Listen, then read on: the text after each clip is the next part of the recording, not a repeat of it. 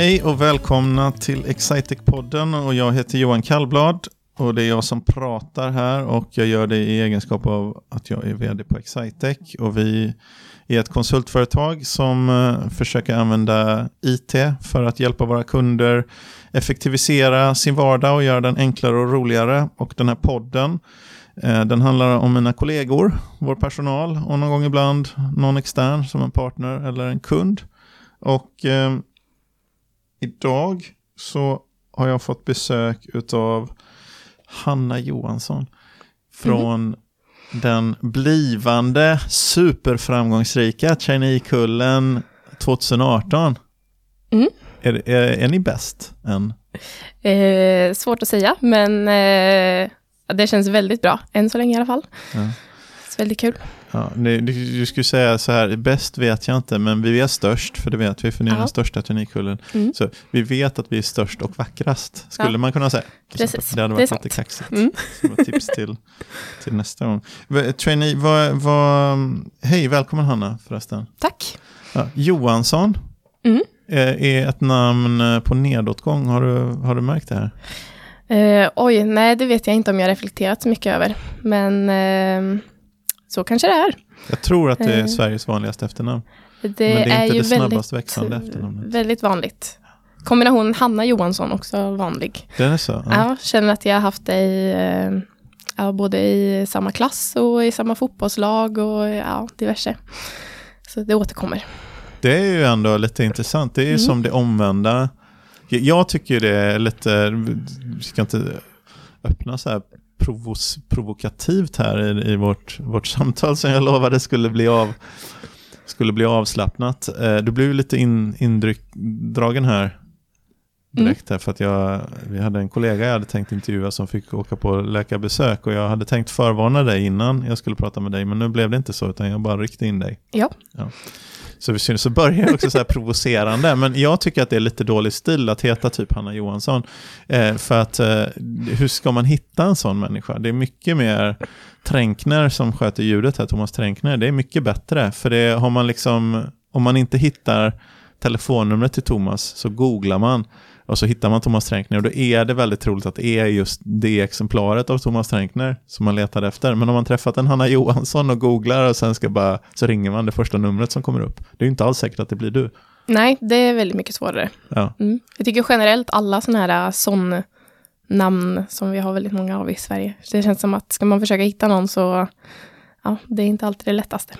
Det är att gömma, eh, liksom att gömma sig mitt i synfältet. Eh, det är någon sån säkerhetsstrategi ibland, security by obscurity eller något sånt. Att man är, du blir eh, i det som skulle upplevas som det liksom eh, som det mest vanliga så kan man ändå bli mest anonym eftersom man, man kan gömma sig bland alla andra Hanna Johansson. Mm, verkligen. Mm. Så, har du använt det någon gång? Har du sagt, när någon har sagt att Hanna, gjorde, Hanna Johansson gjorde det här och så säger nej men det var, inte, det var en annan Hanna Johansson. Um, Har du använt det falskeligen någon gång? Uh, nej, inte vad jag kan komma ihåg. Nej, det tror jag faktiskt inte. Inte vad du vill berätta om. Nej, precis. ja, det är intressant ändå. Mm. Ja, men Hanna, mm. hur hamnade du här? Hur hamnade jag här? Jag eh, kom i kontakt med Excitec, ja vad blir det, för två år sedan, när jag egentligen faktiskt sökte sommarjobb jag har pluggat civilingenjör i medieteknik ja. vid Linköpings universitet. Och då så var det en alumn från, från MT som rekommenderade att jag skulle söka sommarjobb. Eh, och då kom jag i kontakt med Excitec och just i dåläget så pluggade jag utomlands i Frankrike. Så jag hade Skype-intervju eh, med Mats Stegeman och tyckte att det kändes jättebra och jätteintressant. Eh, men tyvärr så kunde jag då inte sommarjobba här eftersom att jag var kvar i Frankrike ända min termin slutade så pass sent. Så eh, det blev inget av och då sa vi att vi kunde höras för exjobb. Eh, så när jag hade kommit hem så började vi prata lite om exjobb. Eh, men sen slutade det med att jag fick ett exjobb i USA, så då flyttade jag dit. Eh, och från USA sökte jag då till traineeprogrammet för att mm. jag kände att jag hade fått så bra uppfattning om Excitec och ville liksom inte riktigt släppa det, fast det hade liksom misslyckats typ två gånger, eller vad man ska säga, lite sådär halvt. Så uh, tredje gången gilt så uh, sökte jag traineeprogrammet och kom in på det. Jag tror jag var sist in av alla 21 traineer faktiskt. Är det sant? Ja, Ja. jag, jag tror vi skrev på kontraktet typ en dag innan midsommar eller något sånt Ja. där, precis. Precis innan sommaren. Så uh, ja, på den vägen är det och jag trivs jättebra. För jag frågar, medieteknik som du pluggade, är Mm. det den som är i Norrköping? Det stämmer. Eh, Linköping universitet, men campus Norrköping. Mm. Mm. Men medieteknik, då tänker man media, media och sånt där, att du ska bli Instagram-profil, men det är egentligen en ganska djup, eh, det kanske du är förresten, det vet jag ingenting om, men, men man tänker sig, eller det är väl egentligen en ganska djup teknisk utbildning om jag har förstått det hela rätt. Ja, det stämmer. Och jag tror det är en väldigt vanlig missuppfattning att folk, eh, oftast när man säger medieteknik så tänker alla på media. Eh, men det är väldigt mycket mer, vårt närmaste program på LiU är egentligen datateknik. Eh, vi läser väldigt mycket programmering från termin ett egentligen. Eh, väldigt blandat. Eh, C++ mycket, men även JavaScript och HTML, webbutveckling eh, OpenGL och så vidare. Eh, och få testa på väldigt mycket, en väldigt bred utbildning. Det är typ det jag tyckte varit väldigt roligt. Eh, och även om en kombinationen, de säljer, man säger ofta att medieteknik är typ en kombination av teknik och kreativitet. Och så har jag också uppfattat mina fem år. Att det är väldigt eh, ja, men tekniskt men också kreativt. För det är datamodellering och ja, men webb, UX. Eh, det är både visuellt men också tekniskt bakom. Den här utbildningen vill jag gå på. Kan man få, vad var den äldsta, vad var den äldsta som, som eh, gick när du eh, pluggade i din årskurs? Och jag vet inte, eh, det inte så mycket äldre eh, ändå. Vi var en ganska homogen grupp, skulle jag säga.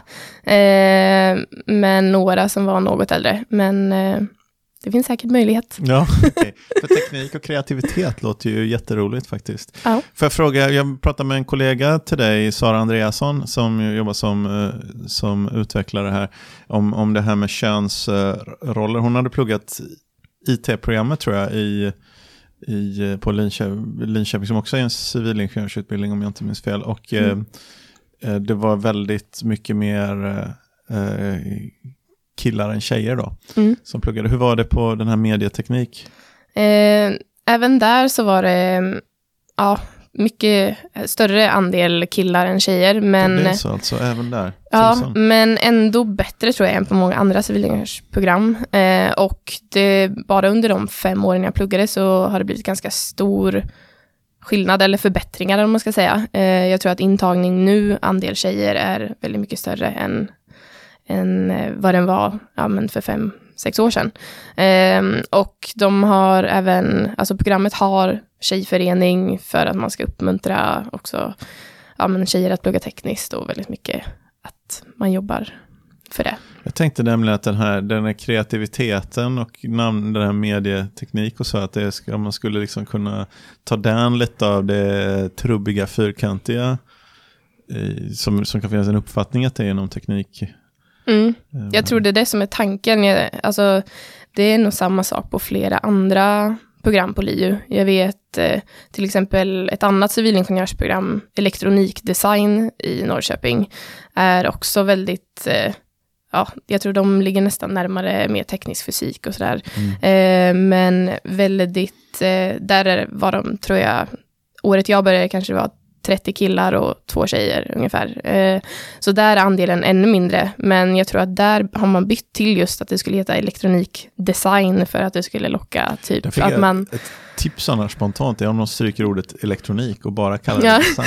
ja, precis. Då, då tror jag de har, eh, då sitter det nog. eh, Mm, så är det nog, men Ja. det blir svårare sen då när man bara ska läsa kretslära och i fem år. Sant.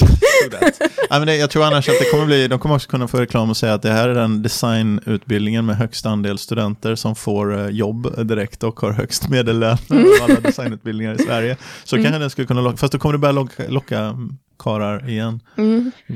Ja, eh, men det var annars, om, om man bara vill optimera i, i, könsneutralitet eh, säga, i intagningen så skulle de stryka ordet elektronik bara så tror jag de har en, Mm. en lösning. Men det är lite, kan bli problem sen. Ja. Eh, ha, intressant. Så du var i Norrköping som du, Precis. bodde du i Norrköping då också? Kommer du från Mm. Norrköping? Jag kommer från Linköping från Ja. början. Eh, men nu flyttade jag hit i år, eller inte i år, för nu är det ju nytt år, men eh, ja, slutet på sommaren 2018. Eh, när jag skulle börja traineeprogrammet. För ja, efter studenten flyttade jag utomlands till Italien och sen eh, började jag plugga i Norrköping. Och då har jag bott i Norrköping när jag pluggat där. Eh, och nu flyttar du tillbaka till Linköping. Hur, eh, hur känns det? Nu har du nämnt, du har redan hunnit nämna USA, Italien och Frankrike tyckte jag du sa. Ja, det stämmer. Eh, men, eh, men Linköping som du kommer ifrån, är, du nu, är, det så här, är det så att varannan dag så vill du bara vara någonstans väldigt långt bort och varannan dag så vill du vara väldigt nära hemma? Eller hur ehm, nej, jag vet inte riktigt. Jag har um, tyckt det varit väldigt roligt att anta liksom, de utmaningar som har varit när jag har flyttat utomlands. Uh, och ja, men, känt att jag har haft tid och möjlighet att, att göra det och testa på det och så. Ehm, men eh, nu känner jag verkligen, jag tycker det känns jätteskönt att ha flyttat hem. Ehm, trivs jättebra i Linköping, trivs jättebra här på jobbet och att komma hem och ha nära till familjen igen och, och sådär. Men eh, jag har även många kompisar som också börjar flytta lite hem nu efter utbildningar, och, men även ett gäng som ja, känner att ja, men det är klart efter utbildningen så ska man till Stockholm eller vidare på annat. Eh, så det är lite blandat, men eh, jag har eh, jag trivs jättebra med att jag flyttade hem. Eh, tillbaka hit. Så det känns som, för att använda så här uttjatade uttryck som man ibland som man ibland inte tänker på, men det gamla uttrycket borta bra men hemma bäst. Mm. Det kan man ju faktiskt bara säga om man har provat borta. Mm. Eh, egentligen. Så det men det kan ju vara en trygghet för de som inte gjort det, att hemma är ändå bäst. Mm. Eh, det kanske inte är Precis. generiskt. Mm. Jag tycker annars sådana här uttryck, det är en av mina sådana här, vad heter det, pet peeves, irritationsmoment eller Mm. något sånt. Det är, det, det, det är två stycken uttryck som provocerar mig väldigt mycket. Det ena är, det är tanken som räknas. Mm. Det är det ju verkligen inte. Det är ju handling som räknas. Tanken är ju så, jag hade tänkt att säga till dig vad fin du är i håret idag, så sa jag inte det. Eller, eller liksom, jag hade tänkt att uppmärksamma din födelsedag, men jag gjorde inte det. Mm. Men det var tanken som räknas. Det är ju inte tanken som räknas. Eh, och den andra dumma uttrycket är en gång är ingen gång. Det är också ett oerhört dumt uttryck, för en gång är ju en gång. Man kan inte säga så här, "Nej, men jag, jag, jag slog dig, eh, men en gång är ingen gång. Nej. Det är inte nej, du slog mig ju faktiskt en gång. Det är Ja. ju inte okej, det är bättre än om du hade gjort det två gånger, men, men en gång är en gång. Mm. Eh, så det är ett oerhört dumt uttryck. Men däremot, borta bra men hemma bäst kanske är ett bra uttryck. Mm, det kan det nog vara. Det, sen som sagt, man kanske måste testa att vara borta för att känna, känna av att hemma är bäst ibland också. Men, eh, Så åtminstone för att kunna säga det med eftertryck, så att det inte Ja. blir som det tanken som räknas. nej men liksom. precis. Eh, jo men så tror jag det. Mm. Mm. Eh, roligt. Du, jag ville prata lite trainee faktiskt. Mm. Hur går det här? Vi har haft några traineer eh, tidigare eh, på den här podden. Eh, och några, någon tog vi och pratade med precis innan traineeprogrammet började. Sen pratade jag med någon när det hade pågått i några månader. Eh, och nu har det gått ett antal månader till. Och, eh, så, så jag ville kolla med dig då. Nu, nu är ni ju på, på upploppet. Eller på, så, så. Hur, Mm. hur går det? Skö, hur Eh, sköter ni er? jag tror vi sköter oss bra. Eh, jag, som sagt, som jag sa innan, jag tycker att det känns väldigt roligt. Eh, och jag har trivts väldigt bra från början. Eh, och jag tycker också att traineeprogrammet har varit mycket lite som man fick beskrivit det för sig innan. Eh, eller om man säger under när jag ansökte och eh, jag vet att eh, Eh, ja, Emma Bilenius bland annat och flera andra typ äldre traineer sa att ja, man märker inte av riktigt så här övergången från att man är trainee till att man faktiskt blir konsult bland alla andra.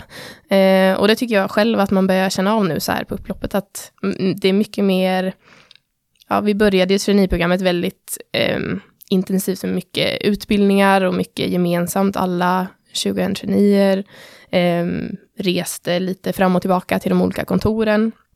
Men det känns som att man mer och mer liksom har hittat eh, sin, sin, sin plats på sitt hemmakontor och bland kunder som man eh, har fått jobba mer och mer med och att man tar mer ansvar och sådär.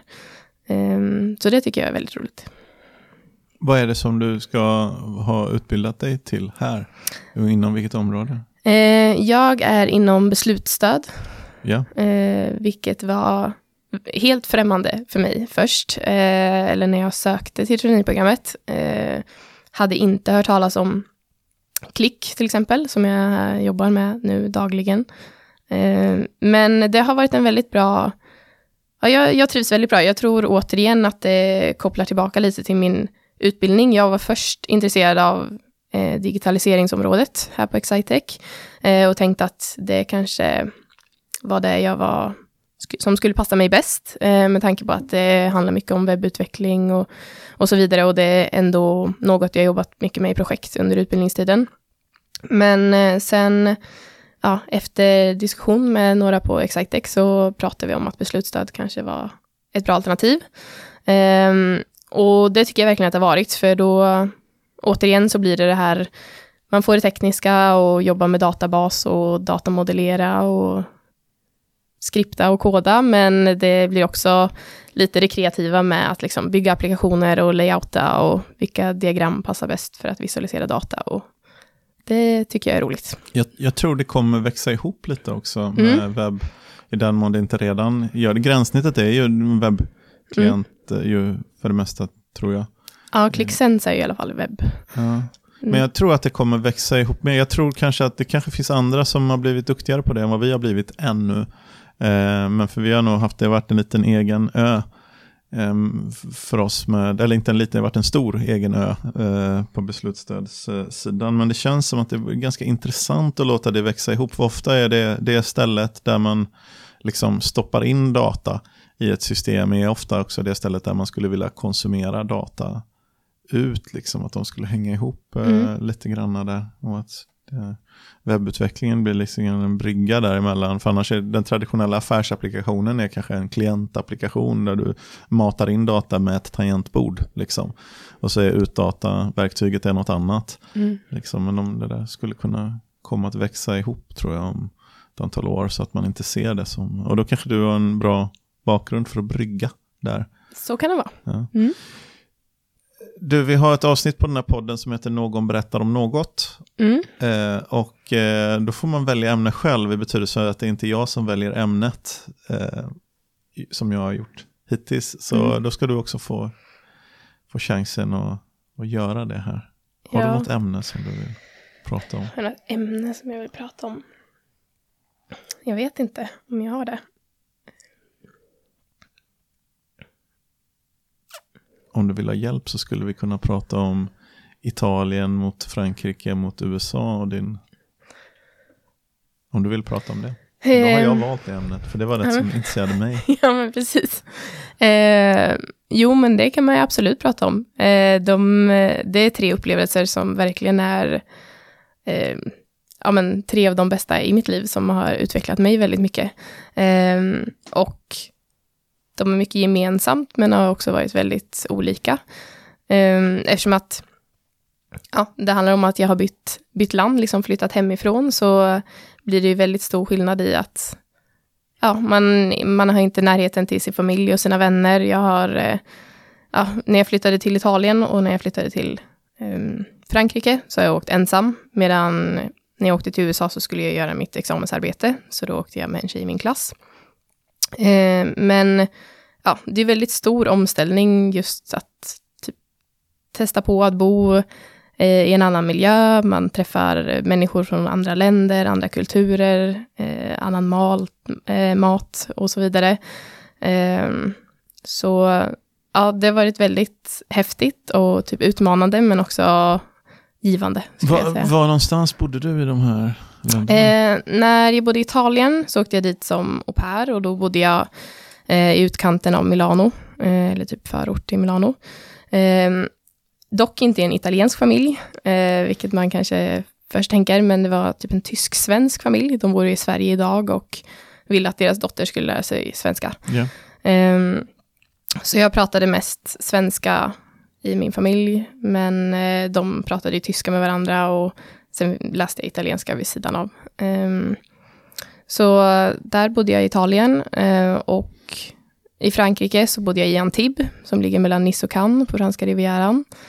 Uh, trivdes sjukt bra. Uh, det är som Emma, brukar, Emma Belenius som du nämnde, vår, uh. personal, vår hår, hårchef, uh, har ju en djupt rotad eh, passion för Antibes. Mm. Ja, men eh, jag förstår henne verkligen. Jag tror att jag tjatade om Antibes i månader efter att jag kom hem därifrån också. Eh, men det är svårt att klaga på sol och värme och ja, men, närheten till havet, men också inte jättelångt att ta sig typ upp till Alperna om man vill åka skidor. Och, ja, men det är verkligen ett så här perfekt läge för mycket. Um, och mycket vet inte, krepp, målfritt och baguetter och vin och, och sånt som eh, också eh, man inte kan klaga på. Så nej, det var jätte, jag trivdes superbra. Mm.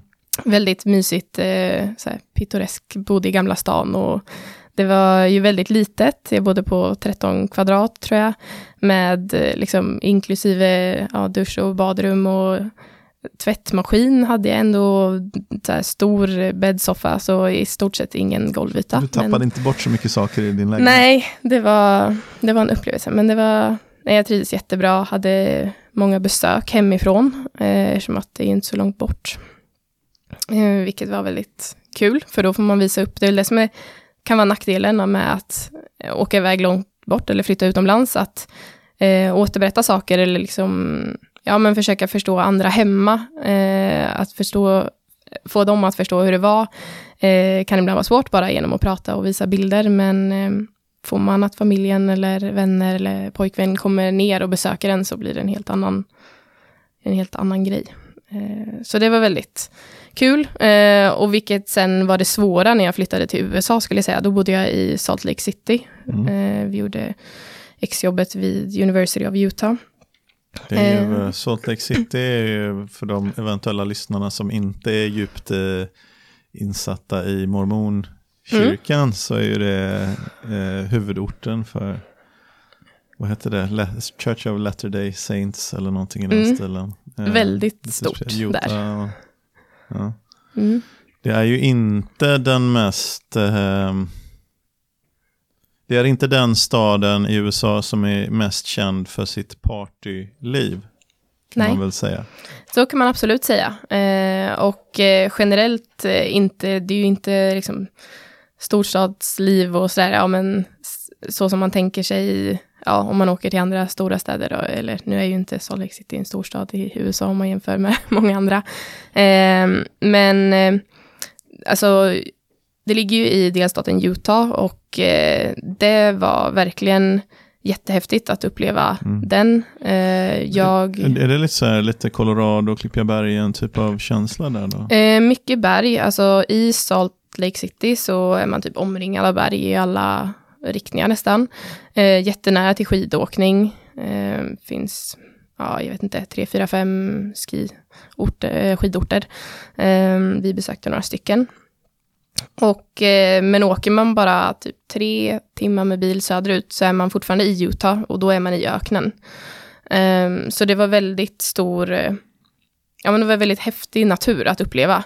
Uh, och det kände vi verkligen att vi försökte utnyttja medan vi var där. Och att vi var väldigt tacksamma för den, ja, men för att vi fick den upplevelsen. Uh, flera andra i vår klass gjorde exjobb i ja, New York eller i Washington. Eh, och först så kände man sig kanske lite avundsjuk på att åh, vad häftigt att göra exjobb i New York och, och sådär. Mm. Men mer och mer kände vi sen att nästan alla har någon gång åkt till New York. Förr eller senare känns det som att vill man åka till USA så hamnar man ofta kanske i New York. Eh, och då att, eh, att vi var i Utah var, var väldigt häftigt. Vi fick åka skidor, vi fick backpacka, eh, kampa i öknen, vi klättrade utomhus och inomhus och ja, men, eh, paddla kajak på Green River, Colorado River, mycket, ja, men, mycket naturupplevelser eh, som var superhäftiga. Visst är men ändå University of Utah är inte det största universitetet där va? Det, skulle, det är det inte Brigham Young, BYU, som är det, står, för annars, det brukar vara så här amerikanskt universitetsliv, heter någonting University of, då är det typiskt ett eh, pu- publikt, alltså ett, ett Mm. statsägt. Och heter det någonting annat så är det typiskt privatägt, men inte alltid. Man kan inte riktigt veta det. Jag tror att University of Utah är Ja, det, det kanske största är det. där. För den man Ja. hör mycket om, det är så här, BYU eh, har ju två stycken, de har ett väldigt bra amerikanskt fotbollslag speciellt. Så de är, eller har traditionellt haft det i alla fall, och Mm. basket, så en stor sportskola. Mm. Och det tror jag bygger mycket på, och sen är den då, vilar den också på ekumenisk grund då, så det är en mormon eh, Mm, eh, okej. driven eller, eh, skola då. Och då blir det att de som är mormoner och är duktiga på idrott går alltid på BYU. Mm. Eh, och, liksom, och, det, och då ska man vara lite stereotyp kring det så är det eh, stora sås och potatiskillar som, eh, som är uppvuxna på landet och äter mycket kött, sås och potatis. Då är de stora och starka och kan jobba med en grep och då blir man också väldigt bra offensiv linjemansspelare i amerikansk fotboll.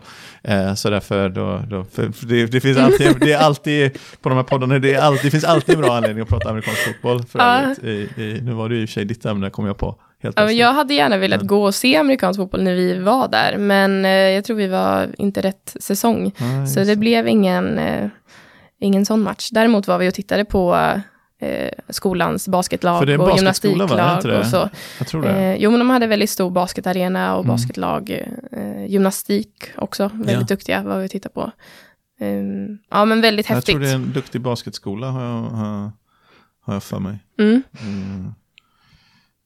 Ja, och bara det i sig, alltså att titta på livesport i USA var ju en helt annan upplevelse gentemot nu. Jag kanske inte varit på så stora matcher och sportevent hemma i Sverige heller eller så, men eh, det, man märker verkligen att det är ett, så här, ett helt event av det. Man Mm. tänker att okej, det här är en skolmatch på campus Mm. och så går man dit och det är, liksom, det är cheerleaders och det skickas ut, kastas ut grejer i paus och det är stor orkester som står mitt i publiken och ja, men det är Ja, det- släkt till liksom alla som pluggar där och det, ja. Det kan ju vara 10 000 personer på en basketmatch. Liksom. Verkligen. Ja, men jag tror University of Utah är ett av de bästa college-lagen. Om jag inte, jag kan ha fel ännu, men jag, har för mig att det är Mm. just Men på det kan, basketsidan kan nog väldigt, stämma.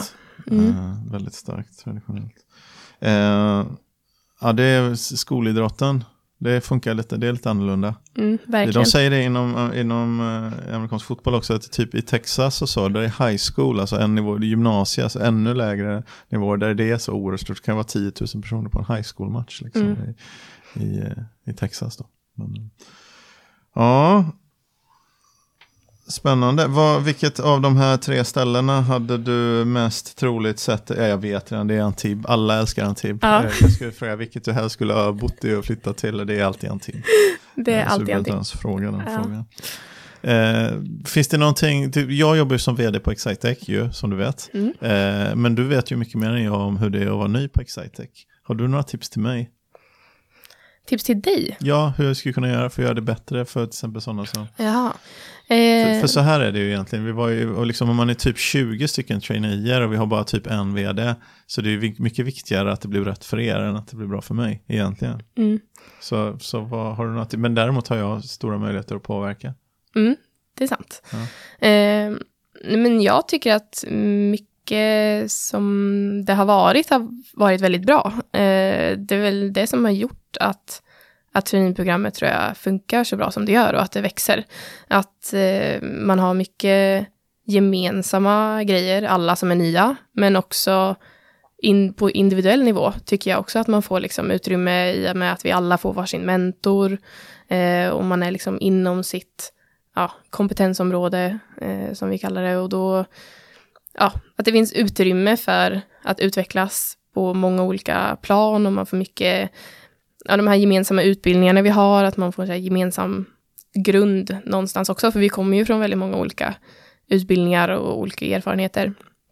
Så ja, och jag tycker att generellt bland alla sådär kollegor och ja, men även att du har hållit i utbildningar. Jag tycker även att, trots ja, men som du säger, att du är vd, jag tycker att du har varit väldigt synlig som vd. Det har jag tyckt varit väldigt roligt också. Att, eh, att även du håller i utbildningar och kommer att snacka med oss som är nya. För ja, det tycker jag känns väldigt viktigt. Mm.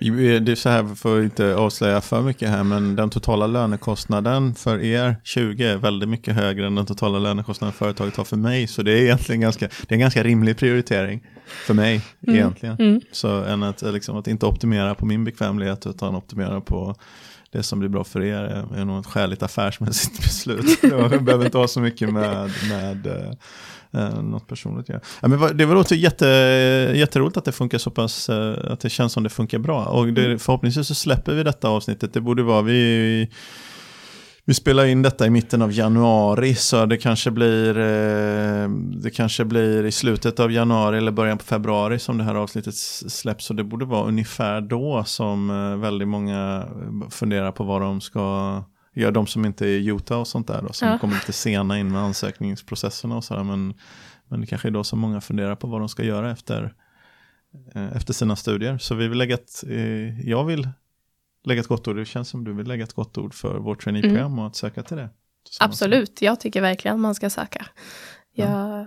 ja det rekommenderar, rekommenderar jag. Ja, mm. om, om allting liksom, om, om eh, om allting blir som det ska och inte världen eh, går under i allt för hög utsträckning innan nästa höst så har vi nog tänkt att vara, för om vi var 20-tal då kanske ett 25-tal kanske är lagom, är lagom för oss. Så att, eh, så att jag, jag, vet att vi redan faktiskt har, det är en del som, som vi har känt länge som du egentligen som man kände ett år innan och som har varit i kontakt, som har varit här och de kanske har sommarjobbat eller de har varit och, och, träffat oss och så vidare. Så vi har väl kanske redan ett tiotal personer som nog redan egentligen är anställda för det här. Men, men den stora delen av liksom rekryterandet och urvalet mot vårt traineeprogram det är något som kommer hända nu under, under våren, februari, mars, april.